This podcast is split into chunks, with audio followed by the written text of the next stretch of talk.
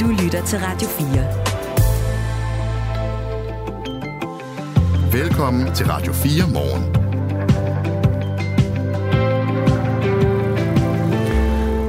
Mange var i gang med at omstille sig fra gasvarme i den private husholdning til fjernvarme, altså tilslutning til det lokale fjernvarmeværk øh, i kølvandet på Ruslands invasion i Ukraine, hvor gaspriserne steg helt vildt. Men nu har gaspriserne lagt sig igen, og så er den her omstilling, som jo også hen ad vejen skal vise sig at være en grøn omstilling, gået i stå. Det er Kenny Andersen et meget godt eksempel på. Han er fra Jørgen og har for ikke så længe siden købt et letbrugt naturgasanlæg, fordi han synes, det er egentlig en varmeform, han godt vil holde fast i. Ham skal vi tale med, og så skal vi tale med enhedslistens energiordfører Søren Ege Rasmussen, som jeg synes, regeringen skal gøre det meget mere attraktivt at skifte den klimabelastende gasvarme ud med noget fjernvarme. Det kræver så i øvrigt også, at fjernvarmeværket ikke bruger gas til at lave varmen med. Og derfor er der mange spændende politiske diskussioner i det her. De, de kommer, nogle af dem om, hvad bliver det? Kvarter? Ja. 10 minutter derimellem. penge, ja. ja. Øhm, vi skal også tale om øh, historien om, at flere elever i indskolingen på øh, Borup Skole i Køge Kommune har oplevet meget grænseoverskridende adfærd fra jævnaldrende børn på skolen. Det var noget, som øh, TV2 øh, kunne fortælle øh, om i går, og som øh, altså er øh, underbygget af lægejournaler, af underretninger og også af forældres beretninger. Det er voldsomme sager. Det er øh, flere børn i alderen 6-11 år, der øh, gennem øh, cirka to år er blevet udsat for trusler, fra vold og for seksuelle overgreb. Og øh, lidt senere på morgenen, der kan du høre fra en, der, en af de mødre, der har et barn, der går på den her skole. Inden da, så kan du om en halv times tid høre øh, TV2's journalist fortælle om øh, de øh, opdagelser, de har gjort sig, da de undersøgte den her skole, og hvad det ligesom er, de, øh, ja, de har øh, afsløret, kan man sige, om, øh, om den her sag. Det er altså om en halv times tid. Thomas Urskov er i Østrig, den øh, store mister skisport. Han øh, vil godt hjælpe os med at give en anmeldelse af den lokale sne. Vi hørte jo, at den svenske er fin. Og hvis vi skulle være så heldige, at der er et menneske, der hører Radio 4 morgen nu, øh, sådan på afstand fra en eller anden skidestination, så er du også meget velkommen til at anmelde den lokale sne. Det må du i og for sig også gerne, hvis du er i Danmark, men jeg tror ikke, der er meget tilbage, for at være helt ærlig. Så øh, hvis du enten lige kommer fra en skiferie, eller simpelthen as we speak er på skiferie, så anmeld lige den stedlige sne, fordi vi prøver at lave et øh, Europakort over, hvor sneen er god i øjeblikket. Det er jo uge 7, og klokken er 7.07, og jeg hedder Kasper Harbo. Og jeg hedder Anne Philipsen. Godmorgen. Godmorgen. Du lytter til Radio 4. I krig er ord ikke nok. Det sagde Mette Frederiksen i går. Og så gjorde hun det, som du kan høre lyden af her.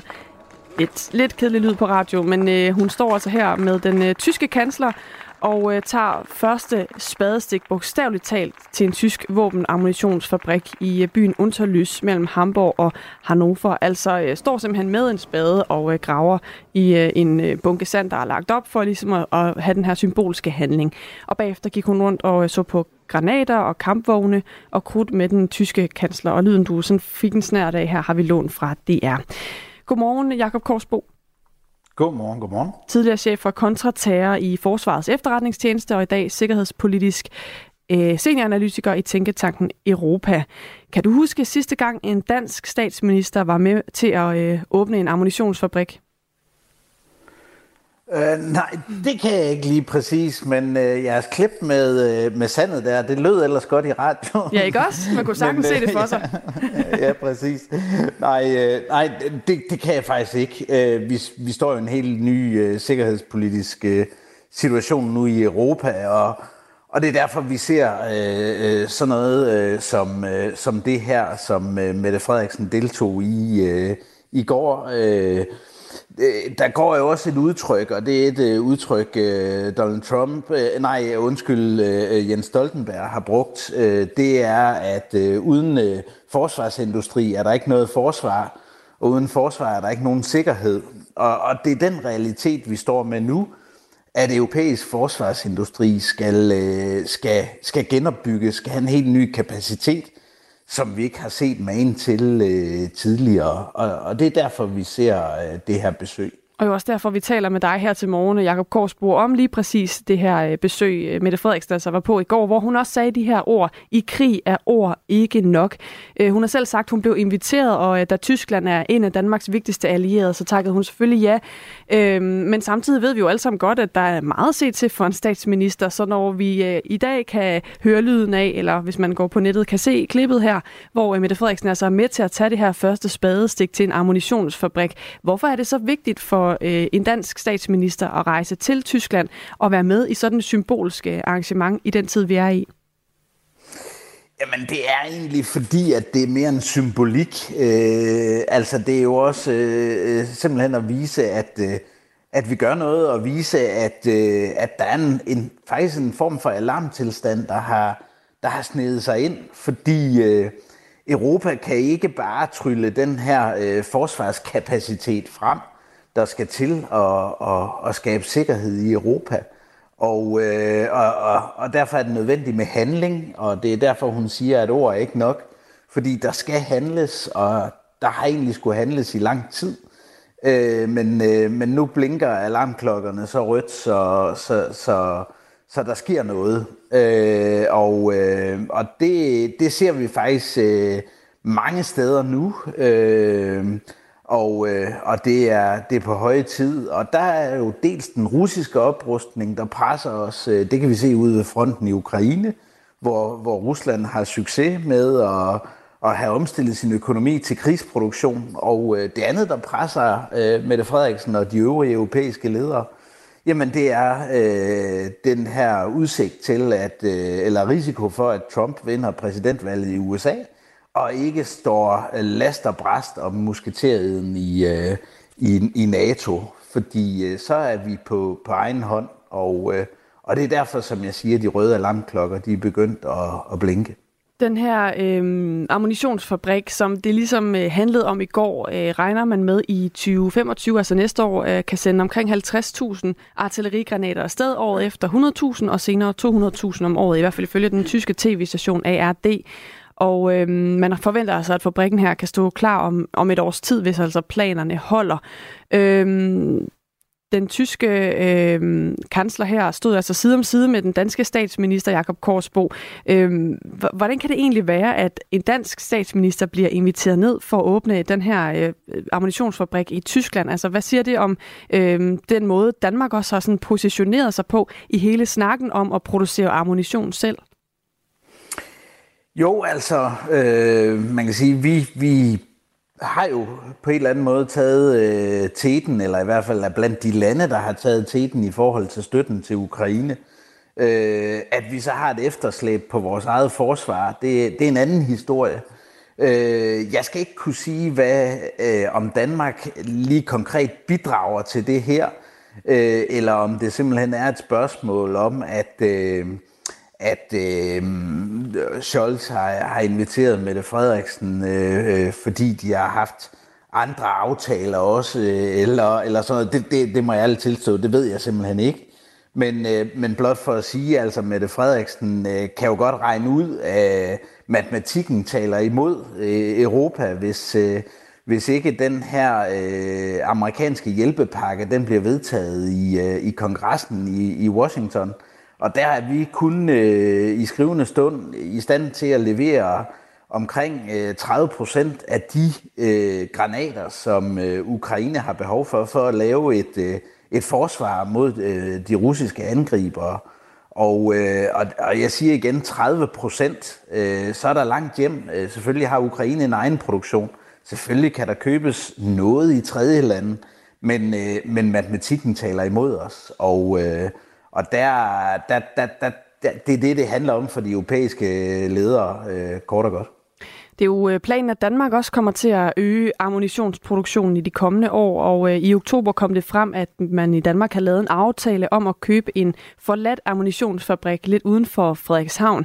Så det besøg, vi så i går, øh, er det en, en forvarsel om, at Danmark i højere grad også selv skal være et land, der producerer våben og ammunition, som også kan bruges til at hjælpe udverdenen? Ja, man kan sige, der er jo begyndt at være nogle spadestik op i, i Elling, op øh, på min, min gamle hjemstavn, og, øh, Og det, øh, det, det, det, det er ved at blive, blive sat i gang. Jeg tror ikke, vi vil se Danmark sådan øh, radikalt ændre forsvarsindustri. Vi har en forsvarsindustri, hvor man kan sige, mange af de ting, der bliver lavet, har danske underleverandører. Så har du de helt store tyske, franske, øh, spanske, italienske øh, øh fabrikanter, og der, der tror jeg ikke, Danmark kan bevæge sig hen. Men, øh, men omvendt, så, så har vi øh, rigtig store leverancer. Vi skal heller ikke glemme den svenske øh, forsvarsindustri. Der kommer vi i Danmark jo ikke lige op og, og udvikler et nyt Saab, for eksempel.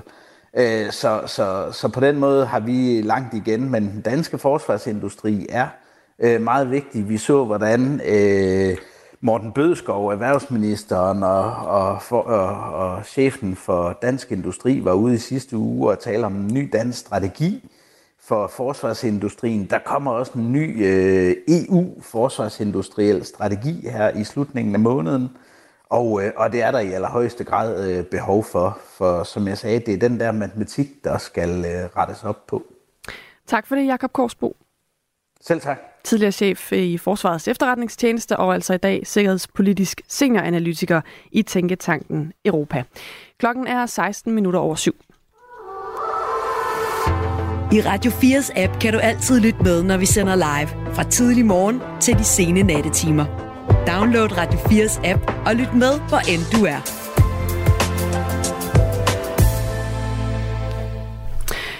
Der kom nye inflationstal i går. Det plejer du at følge med i?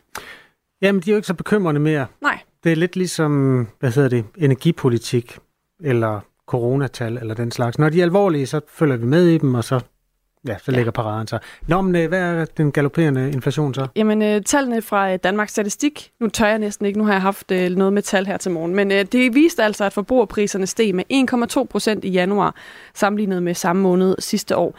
Øh, der jeg egentlig vil hen er bare, at øh, der også er kommet en øh, statistik over, hvad er det så for nogle konkrete sådan varer, hvor vi kan se, at øh, priserne er steget? Må jeg ikke lige sige, i de seneste år. det var et dejligt inflationstal på 1,2. Jo. Det var rart at høre. Ja. Og så må du gerne sige, hvilke varer der er stedet. Olivenolie. Nu igen. Ja, det er simpelthen, øh, det er simpelthen sådan øh, topscoren på den her liste, som TV2 i øvrigt har samlet over fødevarer, der er steget mest i pris. Øh, den er steget med 47 procent. Olivenolie? På et år. Nå, ja. hold da op. Øh, derefter kommer øh, slik og marcipan. Ja, det er godt nok blevet dyrt. Hvorfor ja. er det det? Øh, det står der ikke. Det står der ikke. Men øh, jeg ved jo, du har et øh, godt forbrug af blommer i Madeira. Og ja. det er jo både slik og marcipan. Det kan man roligt sige. Øh, ja, og blommer i Madeira har jo været sådan en, en sliske af en oplevelse siden øh, de glade nuller, hvor Hvad man kunne få... Sige? Jamen, der var bare 10 øh, i æsken dengang i nullerne. Man kunne ofte få den til en tilbudspris på omkring 20 kroner. Siden da er de enkelte blomme i Madeira skiver blevet mindre, og der er hyppigt 6 eller 7 men da de der slikproducenter aldrig skifter æsken ud, fordi det skal jo tage sig ud, som om man får øh, det, man plejer at få, så ligger de som sådan nogle øh, slagende øh, soldater nede i æsken. Det, det er ikke det samme mere. Og det er alt sammen noget, vi kan takke inflationen for. Men det startede ja. altså før den russiske invasion i Ukraine. Ja, okay. Det er nyt fra øh, Madeira, Blomme Madeira-klubben der. Ved du, hvad det gode råd er til at undgå det? Nej. Lad være med at spise det. Klokken er øh, 7.18. Du hører Radio 4 morgens øh, inflationsmedarbejder, Anne Philipsen. Du lytter til Radio 4 morgen.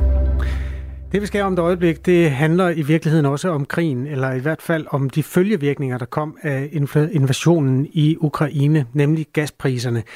Dengang Putin gik ind i Ukraine, der sendte det naturgaspriserne på himmelflugt, og der kom jo også en masse politiske diskussioner om, hvorvidt man vil være afhængig af Rusland på den lange bane.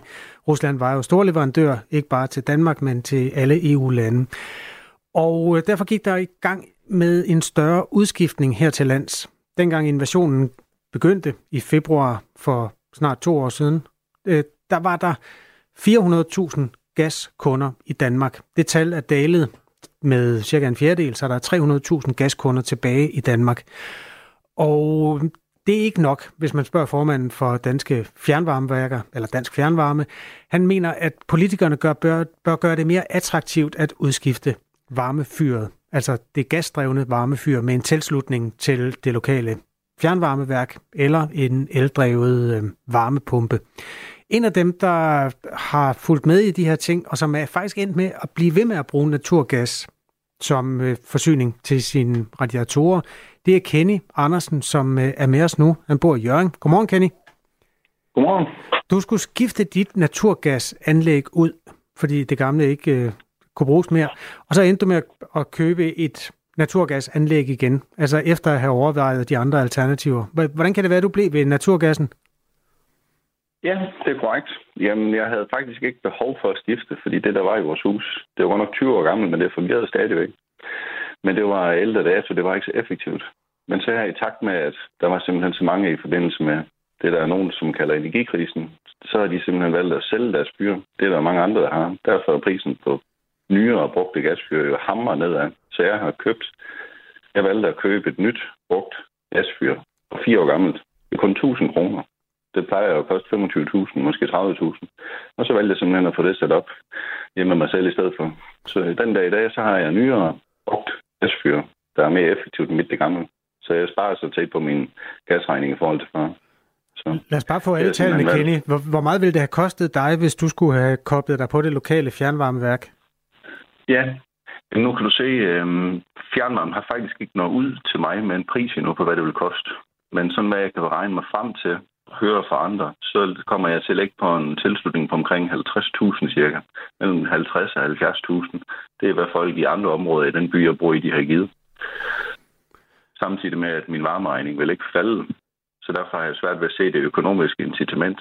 Samtidig med, at der er sådan en øh, forståelse i samfundet for, at fjernvarmen den er, den er grøn. Mm. Det er den også nogle steder, og andre steder, der er det faktisk mere beskidt, hvis man kan sige det sådan. Altså, din CO2-udledning for at varme dit hus op er højere, end jeg har ved mit hus her. Hvis jeg for eksempel boede i Aalborg, så vil min CO2-udledning for den her varmeår, den vil være det samme, som hvis jeg havde Aalborg Fjernvarme. Så er jeg bare svært ved at se, at det også skal give en øh, håndtrækning til klimaet, når min CO2-udledning er den samme. Og det har jeg siddet og lavet beregninger på. Så derfor har jeg simpelthen valgt at investere i et øh, nyere brugt gasfyr, som har kostet mig meget lidt. Vi taler med Kenny Andersen, der bor i Jøring og altså har skiftet det gamle, lidt mindre effektive øh, fjernvarmefyr ud med et af dem, som blev skiftet ud et andet sted i Danmark, fordi der, vi blev opfordret i stort tal til at droppe gas som opvarmningskilde og i stedet blive tilsluttet de lokale fjernvarmeværker. Det er ikke altid nogen øh, fordel i forhold til det grønne. Øh, der er mange dilemmaer i det her, og derfor er det fint, at vi også har en politiker med, nemlig Søren Ege Rasmussen fra Enhedslisten. Godmorgen. Ja, godmorgen. Når du hører det her, øh, Kenny han fortæller, altså at det kunne, økonomisk kunne det ikke svare sig, og når han laver et grønt regnskab, så kunne det heller ikke svare sig at droppe gasfyret. Hvad tænker du så? Jamen det er jo vigtigt, at vi laver en god planlægning lokalt for, hvor at fjernvarmen skal, skal rulles ud, og det har kommunerne været i gang med, og de lokale fjernvarmeselskaber. Så vi har et bedre billede af, hvor det er, at der kommer fjernvarme med tiden. Og så er det vigtigt politisk, at vi prioriterer nogle støttemidler til de lokale fjernvarmeværker, så de har, har råd til at, at ud, og, og hvad skal man sige, rulle fjernvarmen ud til flere. Men der det, der også er problemet, som, som øh, vi er inde på her, det er jo, at nogle af fjernvarmeværkerne faktisk bruger gas til at lave varmen med, og så er man jo ja. klimamæssigt lige vidt.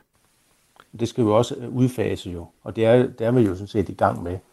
Og nu kan jeg høre, at øh, et eksempel her med fjernvarme er sammenlignet over med et, øh, et grønt regnskab for, for Aalborg Fjernvarme. Der er man jo i gang med at installere store øh, varmepumper. Og når de varmepumper bliver drevet af vedvarende energi fra sol og vind, så får vi jo en mere grøn øh, fjernvarme.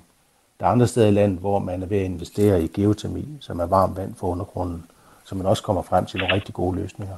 Men man kan ikke bare sige, at fjernvarmen 100% alle steder er det bedste her og nu det er jo en omstilling, vi er i gang med. Vi skal jo gøre os uafhængige af, af Putins gas. Det er jo mm. det, der er det store projekt i EU. Med os her er altså Søren Ikke Rasmussen fra Enhedslisten og også Kenny Andersen. Kenny, hvad siger du til de her overvejelser? Altså hvis du nu havde de haft lidt is i maven i fem år, så kunne du måske have fået grøn fjernvarme fra et lokalt øh, fjernvarmeværk. Ja, jamen altså, det er rigtigt, at nogle fjernvarmeværker har investeret i ting, der gør, at deres CO2-udledning er, er væsentligt reduceret, i, for eksempel i forhold til Aalborg varmeforsyning. Øhm, men man må bare sige, hvis nu for eksempel jeg havde købt en varmepump, hvis nu for nogens vedkommende ville det nærmest være fysisk umuligt at få fjernvarme, fordi det kan bare ikke lade sig gøre ifølge de termodynamiske lov, og så jeg investeret i en varmepump. Nu Danmark er jo det de lande i verden, der er allermest vindmøller. Stadigvæk så havde vi sidste år en CO2-udledning per kilowatt på 96 gram. Det svarer til, hvis jeg havde købt alt mit strøm til min varmepump, så ville jeg stadigvæk udlede 600 kilo CO2. Og ifølge mine egne beregninger, så udleder jeg sidste år kun 1600 kilo CO2. Så er der 1000 kilo i forskel i CO2. Hvis jeg tager en tur til Tyrkiet i en flyvemaskine frem og tilbage, så har jeg brugt hele mit CO2-regnskab, jeg har brugt til at varme mit hus op med. Så altså, det er godt nok svært at forholde sig som almindelig privatperson til de her proportioner, der er i de her udregninger her. Øh, Kenny Andersen, der var en masse tal i det der, men sådan dilemmaet er i den sidste ende. Kan du kode det ned til en enkelt sætning? Altså, hvor er det, du, du siger, at de ting støder sammen? Ja, jamen altså, det er for mig at se lige meget, hvad man gør. Om jeg så havde en grøn varmepump, og så jeg købte mit strøm, jamen så ville jeg også stadigvæk have en CO2-udledning. Altså, Hvad siger du til det, Søren øh, Rasmussen? Jamen, det er da korrekt. Altså, vi skal jo nedbringe vores øh, samlede CO2-udslip, og det gør vi jo ved at, at energirenovere vores hus og ved at, at vælge de rigtige varmesystemer. Men det er jo ikke sådan, at fjernvarme er den, er den bedste løsning alle steder. Altså, vi kommer til at ende med, at der er nogle hus ude på landet, hvor der aldrig kommer fjernvarme, mm. og hvor en varmepumpe kan være en rigtig god løsning. Og øh, det, det skal vi arbejde videre med. Og så vil man altid kunne regne sig frem til et eksempel om, at det er svært. Og det, det er korrekt. Det er en kæmpe omstilling, vi er i gang med. Prisen for at tilslutte sig det lokale fjernvarmeværk, den øh, varierer jo fra sted til sted. Vi hørte om en tilslutningspris på omkring 50.000. Det var det estimat, som øh, Kenny Andersen her han lavede. Vi vil selvfølgelig også gerne have talt med regeringen om det her, men nu, nu tager vi lige dig i første omgang, øh, Søren Ikke Rasmussen. Synes du, man skal kaste flere penge efter det, så det bliver mere attraktivt at tilslutte sig fjernvarmeværkerne? Altså at øh, staten skal, skal hjælpe noget bedre? Det har vi gjort i mange år øh, ved, øh, ved fjernvarmepuljen, så det sådan set øh, kan blive billigere for folk at tilslutte sig fjernvarmeløsninger. Men vi skal jo gøre det de steder, hvor at, at det er bedst. Jeg var her for ganske nylig øh, til et åbent hus ude i en lille by ude på Djursland, som har øh, lokal fjernvarme, som er kørt på flis. Nu omstiller de til, at de har investeret i store varmepumper, og så laver de et, et varmelager. Og så får vi sådan set en øh, lokal fjernvarme, som kører på på, på sol og vind, ved at de har en kontrakt på kun at købe grøn strøm. Mm. Og så kan den varmepumpe, den kan køre på de rigtige tidspunkter, og så har man et varmelager lokalt. Altså det er jo den omstilling, som man ikke havde forestillet sig kunne ske for 10 år siden, men som bare sker nu. Så, så øh, de lokale varmeværker skal se meget nøje på, hvad det er det for nogle investeringer, de har lavet tidligere, hvor det ledningsnettet skal være, og så skal være en god dialog med, hvordan er det, at, at vi bedst udruller den her fjernvarme. Fordi de fælles løsninger har altså et kæmpe potentiale, som er, bedst de fleste steder. Michael skriver, at EU er jo i gang med sanktionspakke nummer 13, og det er stadigvæk sådan, at 20 procent af den naturgas, der bliver brugt i industri og husholdninger osv., den kommer fra Rusland, fordi man ikke kan undvære den. Øh, så det her med at blive fri af russisk gas, det har jo også lange udsigter. Kan du godt, øh, føler du, at øh, vi har snuden i sporet i forhold til det projekt, Søren Ikke Rasmussen? Jamen altså, der er jo nogle lande i EU, som, som er ufattelig afhængige af gas, også til at, at producere el på, og, og som har en dyb afhængighed af, af importeret russisk gas. Og, og, og det, det har været en rigtig dårlig løsning. Den har vi i enhedslisten hele tiden været imod, at man skulle gøre sig afhængig. Det, og det er jo vildt, at man fra Danmark også har været med til at flertallet har understøttet, at der kommer nye gasledninger til Rusland mm. i form af Nord Stream. Så man har, har valgt øh, de forskellige, de forkerte leverancer, i stedet for at satse på vedvarende energi for mange år siden. Og, og man kan altså ikke omstille et kæmpe energisystem og et kæmpe energiforbrug på, på ingen tid. Så vi, det, det kommer til at tage tid, men vi skal selvfølgelig accelerere det. Og der, hvor vi i dårlig, øh, har været dårligst til det i Danmark, det er sådan set at have fokus på at nedbringe vores energispil og vores energiforbrug. Altså gøre vores samlede energisystem mere effektivt. Der har vi, der har vi ikke gjort nok indtil nu. Søren Ege Rasmussen, tak skal du have, energioverfører hos Enhedslisten. Lad os uh, slutte ved dig, Kenny Andersen, sådan lidt kort, fordi der er ja. nyheder om lidt. Hvis nu Putin fortsætter sin uh, trampen hen over Ukraine, og så fortsætter ind i Letland, så kan det være, at dit gas bliver fem gange så dyrt igen. Har du overvejet det i forhold til fremtiden? Jamen altså, det er jeg ikke så bekymret for. Jeg har sådan fulgt meget mere track i gaspriser og sådan noget der. Selv engang der var ekstremt høje gaspriser. Altså, der var vi ved at drukne i gas. Det var simpelthen en energihandleren, Altså, det er mit... Øh, det er energihandleren, der simpelthen... Du skulle betale alligevel jo. Så voldsomt Jamen, jeg har simpelthen bare voldsomt nedsat mit forbrug, og så har jeg simpelthen bare sparet på varmen dengang. Det var rigtig dyrt, så jeg ikke fik så stor en regning. Så altså, det er jeg ikke bekymret for i fremtiden. Øh, når sådan noget det sker, der kommer så stor udsving, så forskanser folk sig. Altså, det, det, mm. Jeg har svært ved at se, at det sker igen. Tak fordi du vil lukke os ind i dit øh, energiregnskab og dit grønne regnskab, Kenny Andersen. Ha' en god dag. Jamen, det var så lidt. God dag. Hej. Tak skal du have. Hej igen. Og det er jo altså sådan, at 400.000 startede øh, for to år siden med at være gaskunder i Danmark. Det tal er bragt ned med en fjerdedel, så der er 300.000 tilbage. Om lidt så skal det handle om øh, elbiler. Bliver lidt i samme spor, men først nyheder. Nu er der nyheder på Radio 4. Den helt store omstilling til fjernvarme hænger i bremsen. En af årsagerne er, at flere private husstande vælger at beholde naturgas, primært fordi gas nu er faldet så meget i pris, at det kan virke mere attraktivt. Direktør i Dansk Fjernvarme, Kim Mortensen, kritiserer regeringen for ikke at tage nok ansvar for omstillingen til fjernvarme. Der man kan sige, at politikerne på Christiansborg måske mangler, det er, at øh, de også vedholdende øh, står ved, at det her det er en samfundsopgave, det er en kæmpe opgave, og der skal øh, Folketinget selvfølgelig også komme med øh, finansieringen, med den fjernvarmepulje, der skal være med til at gøre det her økonomisk fornuftigt, også for de nye fjernvarmeforbrugere. Der er en politisk målsætning om at udfase gassen i den danske husholdning i 2035. Men hvis det skal ske, så skal Folketinget spytte flere penge i fjernvarmepuljen, mener Kim Mortensen. Sådan at der er penge til de projekter, der er godkendt i kommunerne. Det er med til at gøre det billigere, som du siger, for, øh, for en lang række forbrugere. Sidste år døde 31 personer i arbejdsrelaterede ulykker, viser en opgørelse fra Arbejdstilsynet. Antallet kan dog stige til 32 personer, da der er en dødsulykke, hvor det stadig vurderes, om ulykken var arbejdsrelateret. Det er markant færre, end der omkom i arbejdsulykker i 2022, hvor 42 personer mistede livet i en ulykke på deres arbejde. Ifølge Arbejdstilsynet er der tre brancher, som oftere bliver ramt af en arbejdsulykke med dødelig udgang. I landbrugs-, skovbrugs- og fiskeribranchen omkom seks personer sidste år. Bygge- og anlægsbranchen havde fire dødsulykker, mens vejgårdsbranchen havde tre dødsfald på grund af arbejdsrelateret uheld. Beskæftigelsesminister Ane Halsbø Jørgensen og forligskredsen bag arbejdsmiljøaftalen har nedsat en ekspertgruppe, der i de kommende år skal arbejde med at forebygge alvorlige arbejdsulykker. Sundhedsvæsenet bør vendes på hovedet, så størstedelen af patienterne fremover behandles tættere på deres hjem. Sådan lyder det fra kommunernes landsforening og praktiserende lægers organisation i et fælles udspil. Det skriver Jyllandsposten, og Angela Brink fortæller mere. Kun de mest syge og de mest komplicerede patientforløb bør fremover behandles på et sygehus, lyder det ifølge avisen. De to organisationer har 10 forslag til, hvordan man kan omstille sundhedsvæsenet, så det i højere grad møder borgere med tidlige indsatser, samt sikrer en bedre lægedækning i hele landet. De foreslår blandt andet, at der skal være et stærkere samarbejde mellem lokale læger og ældreplejen, samt faste læger på plejehjem og bosteder. Danskerne, som de flest har brug for et sundhedsvæsen, der er tæt på deres hverdag og hjælper dem med at leve et godt og aktivt liv, også selvom man lider af kronisk sygdom, har en psykisk lidelse eller at alderen trykker.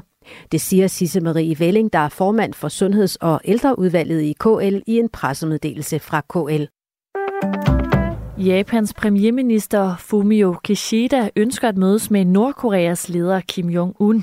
Premierministeren håber på at kunne opnå et diplomatisk gennembrud i relationen til Nordkorea, hvilket blandt andet skal sikre løsladelsen af de japanske borgere, som for årtier siden blev bortført til Nordkorea. Det siger kilder med kendskab til drøftelserne, skriver avisen Financial Times. Japans premierminister har øget sin indsats i et forsøg på at få mødet med den nordkoreanske leder i stand. Skyet vejr med enkelte byer og temperaturer mellem 3 og 7 graders varme. Vinden den er let til frisk og kommer fra sydvest. Det her er Radio 4 morgen. Godmorgen, jeg hedder Kasper Harbo. Jeg blev født den 29. oktober 1971 af en dame på 19 år. Herregud, hun var nærmest en, en pige jo. Og det var ikke et spor unormalt dengang. Nej. Jeg fortæller om min 19-årige fødende mor, fordi der er kommet nye tal fra Danmarks Statistik, der fortæller, at gennemsnitsmor i dag er 30,0 år, når hun får sit barn nummer et. Mm. Og det er godt nok en udvikling, der er sket på kort tid, og som er meget markant. Man føder simpelthen sine børn senere. Det kan der være masser af fordele ved. Der kan også være nogle ulemper. Øh, hvor gammel var du, da du blev mor til lille Salma? 27. 27. Hvordan øh, havde du gjort dig nogle overvejelser om at skubbe det, eller havde du øh, nærmest holdt igen i 8 år? Eller? Nej, det, var, det synes jeg bare var sådan et meget godt tidspunkt. Ja, det forstår jeg faktisk godt. Men 27 er jo sådan inden for normalt feltet nu. Men det der med at få børn som 19-årig, jeg kender ikke nogen, der har fået børn som 19-årig. Gør du? Nej, det gør jeg ikke, og, og i dag er det jo faktisk også sådan, øh, ved jeg i hvert fald fra, hvad jeg har læst mig til, at man faktisk næsten bliver sådan set også på i sundhedsvæsenet med sådan lidt overraskende øjne. Måske endda bliver fuldt lidt ekstra, hvis man får børn meget tidligt. Der var også på et tidspunkt, hvor der fandtes et dokumentarprogram om kvinder, der havde fået deres mm. børn meget tidligt. Unge Øh, mødre. De bliver indbragt i sådan lidt samme kategori som nogen, der måske altså ikke sådan havde helt styr på det. Havde brug for lidt ekstra hjælp måske, ja. Jeg synes, at det her, altså vi er jo lidt i tvivl om, hvor er det det gode interview er, eller hvor er det den interessante erfaring er henne. Men hvis der sidder mennesker og hører det her, og det er måske særligt en kvindesag, fordi det er jo kvinden, der har den sidste beslutning i forhold til, om hun er klar til at føde et barn eller ej. Hvis du er en af dem, der, har, der, der stadig får dit barn tidligt, kunne det for det første være interessant at høre fra dig, altså dig, der, er- der er ung mor, som har været der, der, der omkring de 20, da du fødte dit barn første gang. Altså i vores tid. Mm. Det er ikke min egen mor, der vil have til at ringe ind nu. Det skal være Nej, bliv væk. sådan lidt... Øh, altså, er der stadig mennesker i 2024, der får deres øh, børn sådan omkring øh, 19-20 års alderen? Og er der nogen, der har, har udskudt det Mm. og gjort sig overvejelser om det? Det er en meget bred opfordring, den her, men det er fordi, det er et meget interessant, øh, og måske det vigtigste valg overhovedet, man står med som menneske, at man skal føre slægten og generationen og arten videre. Så hvis du har lyst til at dele dine overvejelser om det med os, i anledning af, at det nu for første gang officielt er 30,0 år, så skriv lige til os på nummer 1424. 30,0 er altså den nye gennemsnitsalder for førstegangsfødende. Susanne, hun har lige givet lyd. Hun fik sit barn i 1975, der var man 19. Man skal få sine børn som ung, lyder opfordringen fra Susanne. Giv lyd, hvis du øh, er en af dem, det er det virkeligheden handler om på 1424. Og godmorgen. Klokken den er øh, 7.37. Ja, og du hedder Anne Philipsen, ikke? Det er rigtigt. Hvad Klok- hedder du? Jamen, jeg hedder, det har jeg sagt. Jeg Nå. hedder Kasper Harbo. Jeg alle 29. det. oktober Nå ja, det er 1971 af en mobben 19 år. Ja. Klokken er 7.37. Du lytter til Radio 4. FDM frygter, at danskerne bliver inddelt i et A- og et B-hold, hvis landets større byer indfører såkaldte nul-emissionszoner. Øh, fordi øh, selvom den grønne omstilling er vigtig, så må det ikke blive elitært, sådan så det kun er folk med dyre elbiler, der har adgang til byerne. Lyder altså øh, bekymringen og meldingen fra FDM, som øh, Aarhus Stiftstidende skriver om i dag. Reaktionen kommer efter, at Folketinget har vedtaget en aftale, der gør det muligt for landets kommuner at etablere områder, hvor man ikke må køre i øh, en bil, hvis det er en benzin- eller dieselbil. Og øh, for eksempel så har man i Aarhus Kommune en ambition om helt at forbyde benzin- og dieselbiler i Midtbyen senest i år 2030. I Københavns Kommune der øh, har man også planer om en fossilfri by i 2030. Torben Kusk er afdelingschef for øh, FDM. Godmorgen. Godmorgen. Hvorfor mener du, at man øh, ender med at inddele folk i et A- og et B-hold, hvis man laver de her nul-emissionszoner i større danske byer? Ja, det går lidt an på timingen, men som det er nu, øh, der kører der cirka ja, godt 200.000 elbiler rundt. Og øh, kigger man lidt i Danmarks statistik, de har nemlig undersøgt, jamen, hvem er der har elbilerne, jamen så er det de absolut mest ressourcestærke familier i Danmark. Det er dem med lange uddannelser og høje indkomster, og dem, der bor i eget hus, hvor de let kan sætte en ladeboks op til elbilen. Øh, så det er ligesom skal vi sige, den ressourcestærke elite, der i dag kører i elbil. Og afhængig af, hvor hurtigt man vælger at indføre sådan nogle zoner, jamen så vil det jo være en, en meget lille del af befolkningen, der sådan har fri adgang, øh, og en større del af befolkningen, som så øh, vil skulle øh, kunne finde et andet transportmiddel end, end i hvert fald en bil, hvis man skal ind i de her sådan, øh, byzoner. Vi ved jo ikke endnu, hvor mange kommuner, der har ambitioner om at lave dem. Vi ved heller ikke, hvilket tempo.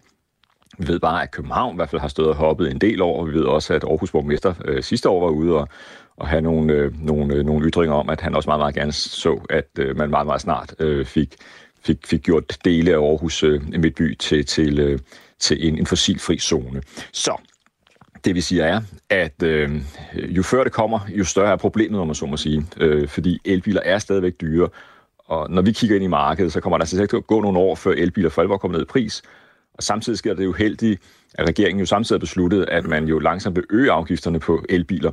Så lige nu er de dyreste af dem meget billige, øh, men de vil begynde at stige i pris, og spørgsmålet er, hvor hurtigt der kommer billigere elbiler på markedet. Det kan vi godt være lidt i tvivl om hos FDM. Men man kunne jo også vente om at sige, jo før det kommer, jo hurtigere øh, mindsker man, eller i hvert fald med til at mindske forurening i landets største byer, som jo også er det, der ligesom er ideen bag den her politiske aftale. Det har Miljøminister Magnus Heunicke også været ude at sige. Så hvad synes du egentlig grundlæggende om, at man giver kommunerne det her værktøj til at fremme den grønne omstilling og mindske forureningen? Det er rigtig, rigtig fint, at man laver en national lovgivning, sådan så ikke det bliver op til den enkelte kommune, hvordan de nu vil gøre det. Altså man laver nogle fælles rammer og regler omkring det, øh, og som vi forstår det, vil det også være en forsøgsordning i første omgang. Hvis vi lige øh, anholder argumentet om luftforurening i det øjeblik, øh, så har vi godt noteret os, at det er nogle af de argumenter, der bliver brugt også fra øh, Miljøministeren. Vi skal dog lige huske, at øh, en meget lille øh, miljøzone eller nulemissionszone inden en by vil have så marginale øh, skal vi sige, effekter på øh, luftkvaliteten, at man formentlig ikke vil kunne måle det. Tager vi øh, en by som Aarhus, jamen det er et par hundrede mennesker om året, der mister livet for tidligt, som det hedder. Altså det vil sige, at de dør 10 år for tidligt, øh, eller i forhold til, hvad de ellers ville have gjort, fordi de udsættes for luftforurening. Øh, og Aarhus Universitet undersøgte for et par år siden, hvilke nogle kilder lå der bag den forurening, der så førte til, at, øh, at mere end 200 mennesker dør for tidligt i Aarhus. Og når man kigger ned i de tal, jamen ud af det mere end 200, der dør for tidligt, jamen der kan man måske henføre to-tre til biler i det hele taget, der kører hele Aarhus Kommune. Øhm, så hvis man ligesom skulle tage en lille del af Aarhus Kommune og sige, her må kun køre nul emissionsbiler, så ville vi tillade os i FDM at tvivle på, at man overhovedet vil kunne måle det i sundhedseffekten, og formentlig heller ikke rigtig kunne måle det i luftkvaliteten, fordi luftforurening er noget, der flytter sig rigtig meget rundt. Det er jo ikke sagt, at, at man, man ikke ligesom skal, skal, skal gøre en masse tiltag for at få, få skubbet også forbrugere og bilister i den rigtige retning. Man skal bare ikke sælge det på eksempelvis, at det vil gøre nogen øh, mærkbar forskel for, for luftkvaliteten i de større byer.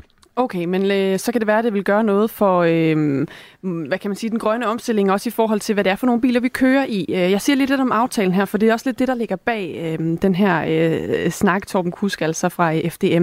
Øh, det er en aftale, hvor hver kommune får lov til at lave en 1-0-emissionszone.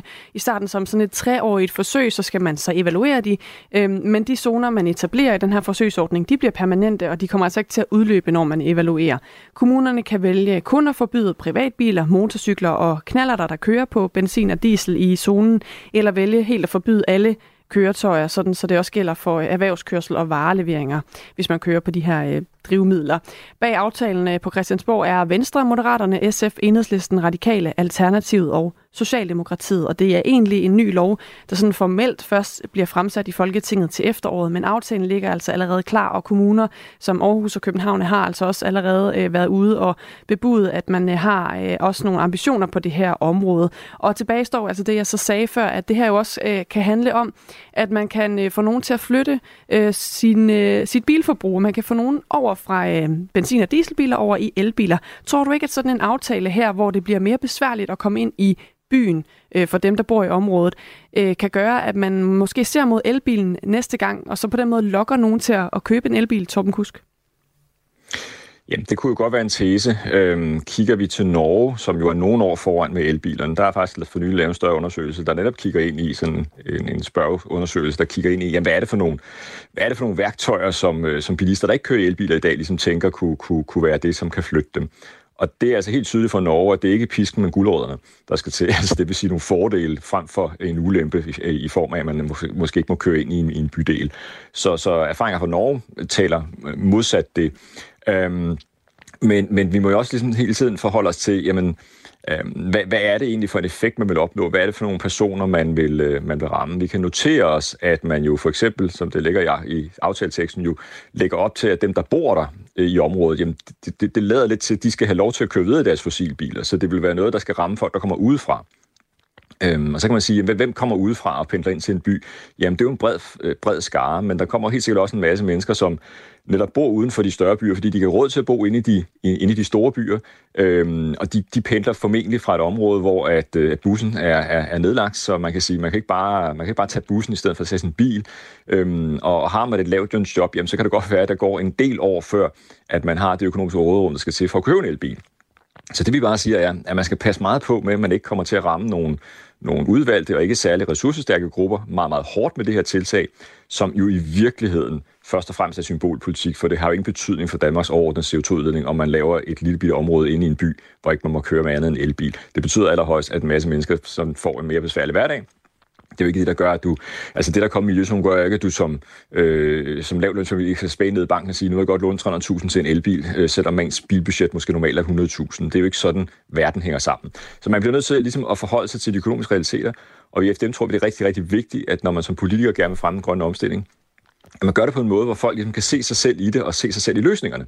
Altså ikke stiller noget op, der er lidt umuligt for folk, netop for at sige, jamen, du skal bare gå ud og købe en elbil til 400.000, min ven, så skal du nok kunne køre ind, ikke? Ellers må du tage bussen. Nå nej, den har vi nedlagt. Altså, det, det, det er den form for, for skal vi sige, konsekvenspædagogik, øh, der kan blive meget, meget firkantet, hvis man som politiker som tænker, det er det, der skal til for at fremme den grønne omstilling. Så kan jeg godt lige tænke mig at øh, hive fat i det her argument, du har, Torben Kusk, i forhold til, at det er, er dyrt øh, at købe en elbil, og derfor så rammer det skævt. Øh, Ulrik øh, fra Nordfyn lytter med og har skrevet en sms ind, hvor han skriver, jeg er ikke på nogen måde en del af eliten, men jeg har stadig valgt at investere i en elbil, blandt andet fordi det er det mest kosteffektive per kørt kilometer. Jeg er selv medlem af FDM, men jeg synes, det er forkert, en forkert kamp at tage fra FDM's side. Øhm, så skriver han også noget om, at større biler gør det besværligt, men det han også skriver er, at øhm, FDM ved godt, at prisen på brugte elbiler er raslet ned og er kommet ned i et leje, hvor alle kan være med, hvis man gider at omstille sig. Torben Kusk, afdelingschef for FDM. Altså, øh, jo flere øh, elbiler, der kommer på markedet, jo flere brugte elbiler kommer der jo også til salg. Så den her idé om, at der ikke er nogen, øh, der kan komme i nærheden af en elbil, hvis ikke de tjener rigtig mange penge, er den egentlig reel? Jamen, jeg startede også med at sige, at timingen er, er rigtig, rigtig vigtig, og vi kan være bekymret for, om der kommer i tempo nye elbiler. Det er rigtigt, at man nu efterhånden godt kan købe en elbil til, øh, til måske 150-170.000, hvis den er godt brugt. Det er bare en elbil, ikke ret mange mennesker har lyst til at køre i. Den lader typisk på en fase og lader meget langsomt. Man kan ikke sætte anhængertræk på. Det er typisk biler, der er, er godt slidt, kan man sige, øh, og første generations elbiler. Så, så de er jo ikke at sammenligne med dem, man kan gå ud og købe hos forhandlerne i dag. Og det, der er lidt kendetegnet med mange af de familier, som ikke har så meget økonomi, men har et, et relativt stort transportbehov, jamen det er, at de har én bil, og den skal ligesom kunne det hele. Og det er der altså ikke rigtig nogen af de her første generations elbiler, der kan. Det kommer på sigt, når de fine biler, vi andre har kunne købe her de sidste par år, med meget store afgiftsrabatter, når de begynder at blive gamle i løbet af 5-6 år, jamen så vil der helt sikkert være nogle, øh, nogle rigtig, rigtig fine elbiler, som en langt større del af danskerne kan købe. Og det er også derfor, vi siger indledningsvis, det handler om det tempo, der er i det. Altså er det noget, man drømmer om i Aarhus og København skal ske inden for, de, inden for nogle ganske få år, jamen så kan det have en ret stor betydning for en række udvalgte familier. Øh, kommer det først frem mod 2030, jamen så vil situationen forhåbentlig se langt bedre ud. Så, men vi skal bare huske, selv i 2030 to tredjedel er stadigvæk køre fossilbiler, ifølge de mest optimistiske prognoser. Så, så det er de, de realiteter, der er omkring mm. det. Så man skal lige, man skal lige øh, skal vi sige, dobbeltklikke på den her brugvognsstatistik, inden man bare konkluderer, at alle kan gå ud og købe en elbil. Ja, det kan de, men nok ikke en elbil, de har lyst til at køre i. Det sagde Torben Kusk, som er afdelingschef hos FDM. Tak fordi du øh, var med. Klokken er 13 minutter i 8. Det her er Radio 4 morgen. Det er uge 7. Det er vinterferie for mange vedkommende. Folk valgfarter på det her tidspunkt til lækre skidestinationer, især i Europa, og derfor kan vi lige måle lidt rundt omkring. Vi fik en anmeldelse af perfekt sne i Sælen i Sverige. Nu søger vi sydpå øh, til det populære Vakkeregn i Østrig, hvor Thomas Urskov, journalist og skiglad mand, befinder sig lige nu. Godmorgen, Thomas Urskov. Godmorgen. Vi hører så meget om de varme alber. Hvordan er sneen der, hvor du er? Altså, der er masser af sne.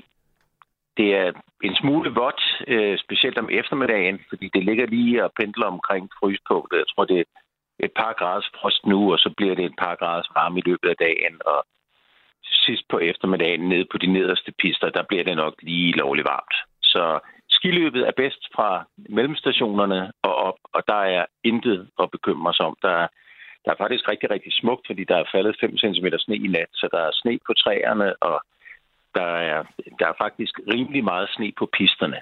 Øh, jeg tror, der ligger en base på omkring øh, 70-80 cm, så der er mm. langt ned til stenene, så man skal ikke være bange for at køre på en sten eller noget.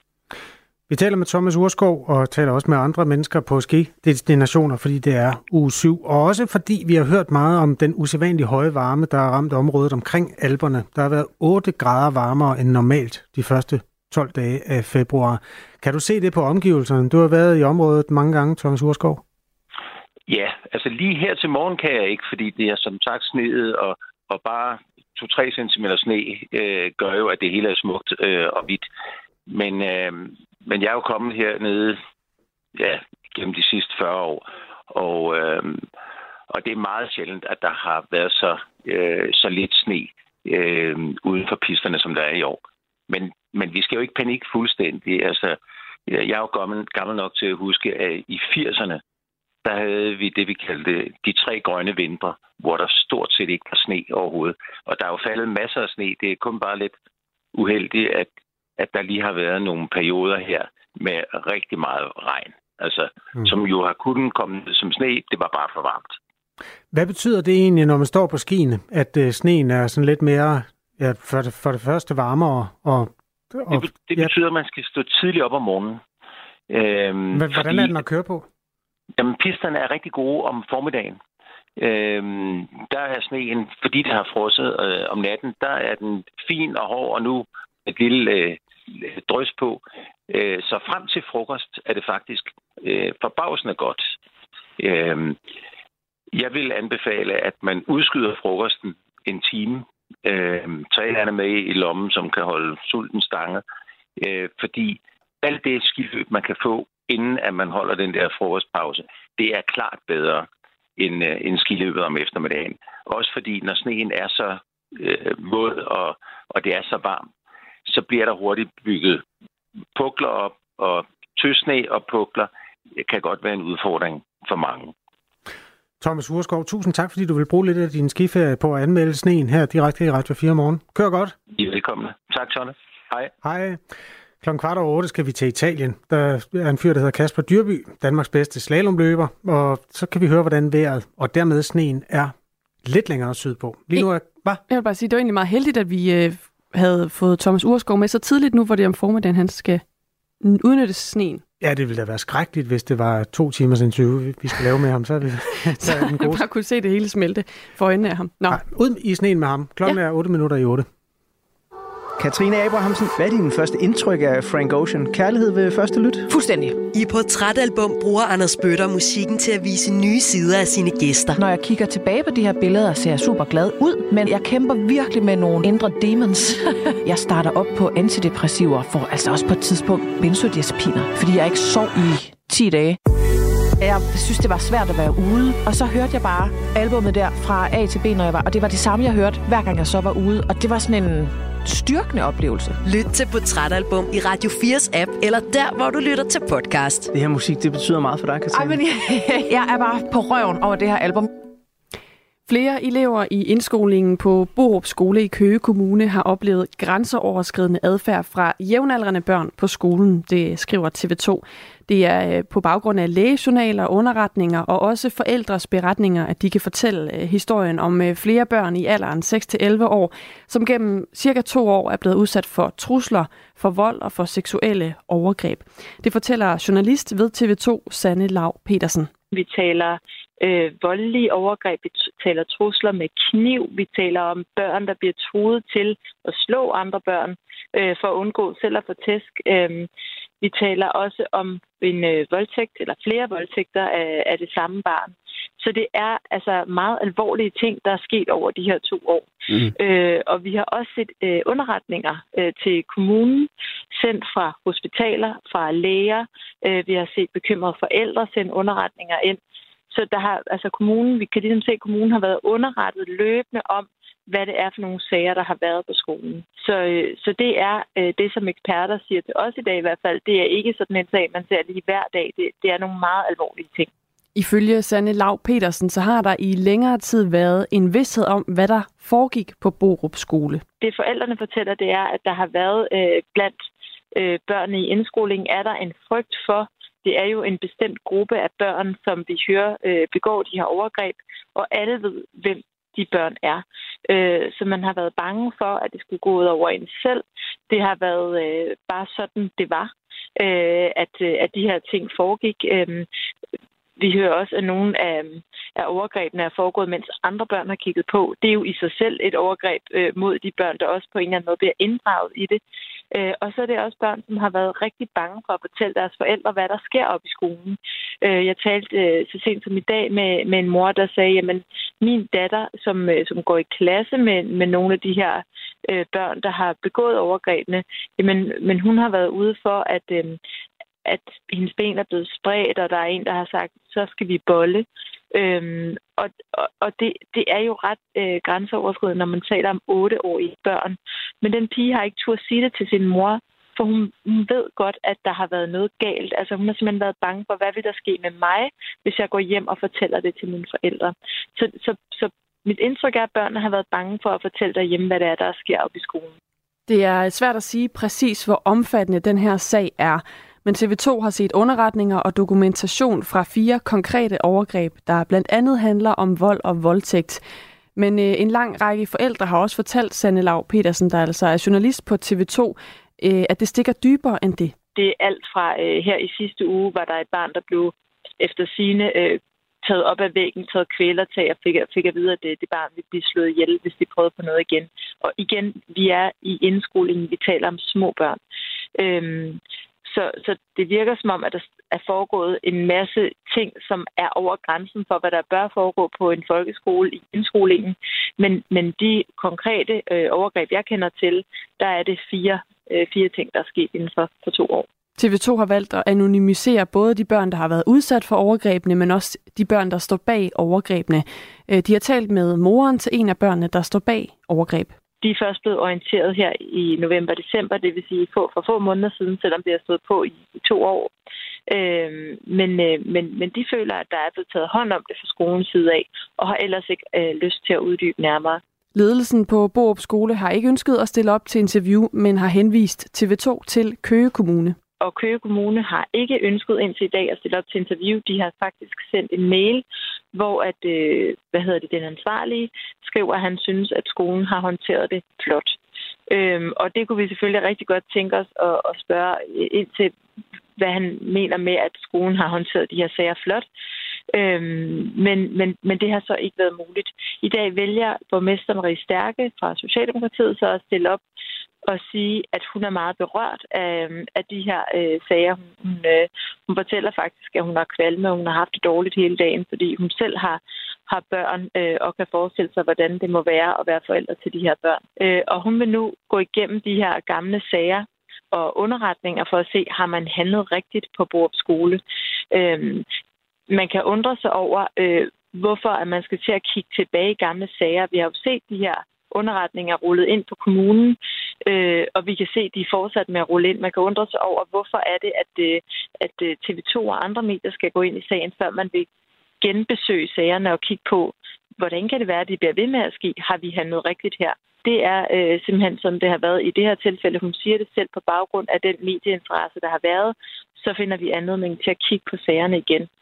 Øhm, så det, det må vi afvente. Øh, forældrene, de, øh, de mener jo, at der skal gøres noget på skolen nu, og de mener, at øh, den skoleleder, der sidder der, øh, ikke har håndteret eller ikke været sit, sit øh, ansvar modent, øh, fordi de, de mener, at, at han burde have sørget for, at de her overgreb var stoppet lige så snart, at man hørte om det første gang. Det er jo klart, at hvis man sidder som forældre i dag, at ens barn har været udsat for et overgreb for meget kort tid siden, så tænker man, hvis nu der var blevet taget hånd om det her for to år siden, så kunne det være, at mit barn ikke var traumatiseret og skulle kæmpe med, med efterfølge, altså hvad, hvad hedder det, sådan med efterdønningerne på det her i lang tid. Øh, så de forældre, øh, som jeg har talt med, mener, at skolelederen simpelthen bør udskiftes med det samme. Det sagde altså journalist ved TV2 Sanne Lav Petersen om øh, de afsløringer eller de øh, historier, der er kommet, som TV2 har afdækket fra Borup Skole i Køge Kommune. Det her er Radio 4 morgen. Den her 13. februar er der kommet en ny statistik. Danmarks Statistik fortæller, at førstegangsfødende mor nu for første gang er over 30 år, eller har lige præcis ramt de 30,0 år. Det er altså gennemsnitsalderen for kvinder, der føder deres første barn. Vi omtalte det lidt tidligere, og vores lytter Mikkel spurgte, hvad gennemsnitsalderen egentlig var for 52 år siden. Jeg tror, Mikkel rammer lige præcis det tal, fordi det var der, jeg blev født. Mm. Dengang var øh, Nej, jeg vil godt gå lidt længere tilbage i virkeligheden. Midt i 60'erne, der var gennemsnitsalderen 23 år for førstegangsfødende. Mm. Så øh, frigav man p-pillen, og så steg øh, gennemsnitsalderen for førstegangsfødende lige lidt med et enkelt år. Så var de 24 dengang øh, min mor fødte mig. Hun var så kun 19, øh, men det var der i virkeligheden mange, der var. Men øh, efter man så fik øh, ret til fri abort, det gjorde man nemlig cirka der, lige efter jeg var blevet født, så steg gennemsnitsalderen bare fuldstændig stødt og jævnt, og det har den altså gjort fra de 24 år til nu at være 30 år i gennemsnit. Øh, Simon fra Vejle, han har jo skrevet, hvad er gennemsnitsalderen på en førstegangs far? Og det tal har vi faktisk også fået. Ja, det er øh, 31,7 år. Så lidt ældre. Lidt ældre. Der er en masse under ting i den her statistik. Det kan være, at vi kan vende tilbage til det på den anden side af 8. Hvis du er en af dem, der har skubbet dit første barn af en eller anden god grund, så må du da meget gerne sende en lille forklaring, så vi kan få et stykke krydderblod på den her historie. SMS til 1424. Klokken er 8. Du har lyttet til en podcast fra Radio 4. Find flere episoder i vores app, eller der, hvor du lytter til podcast.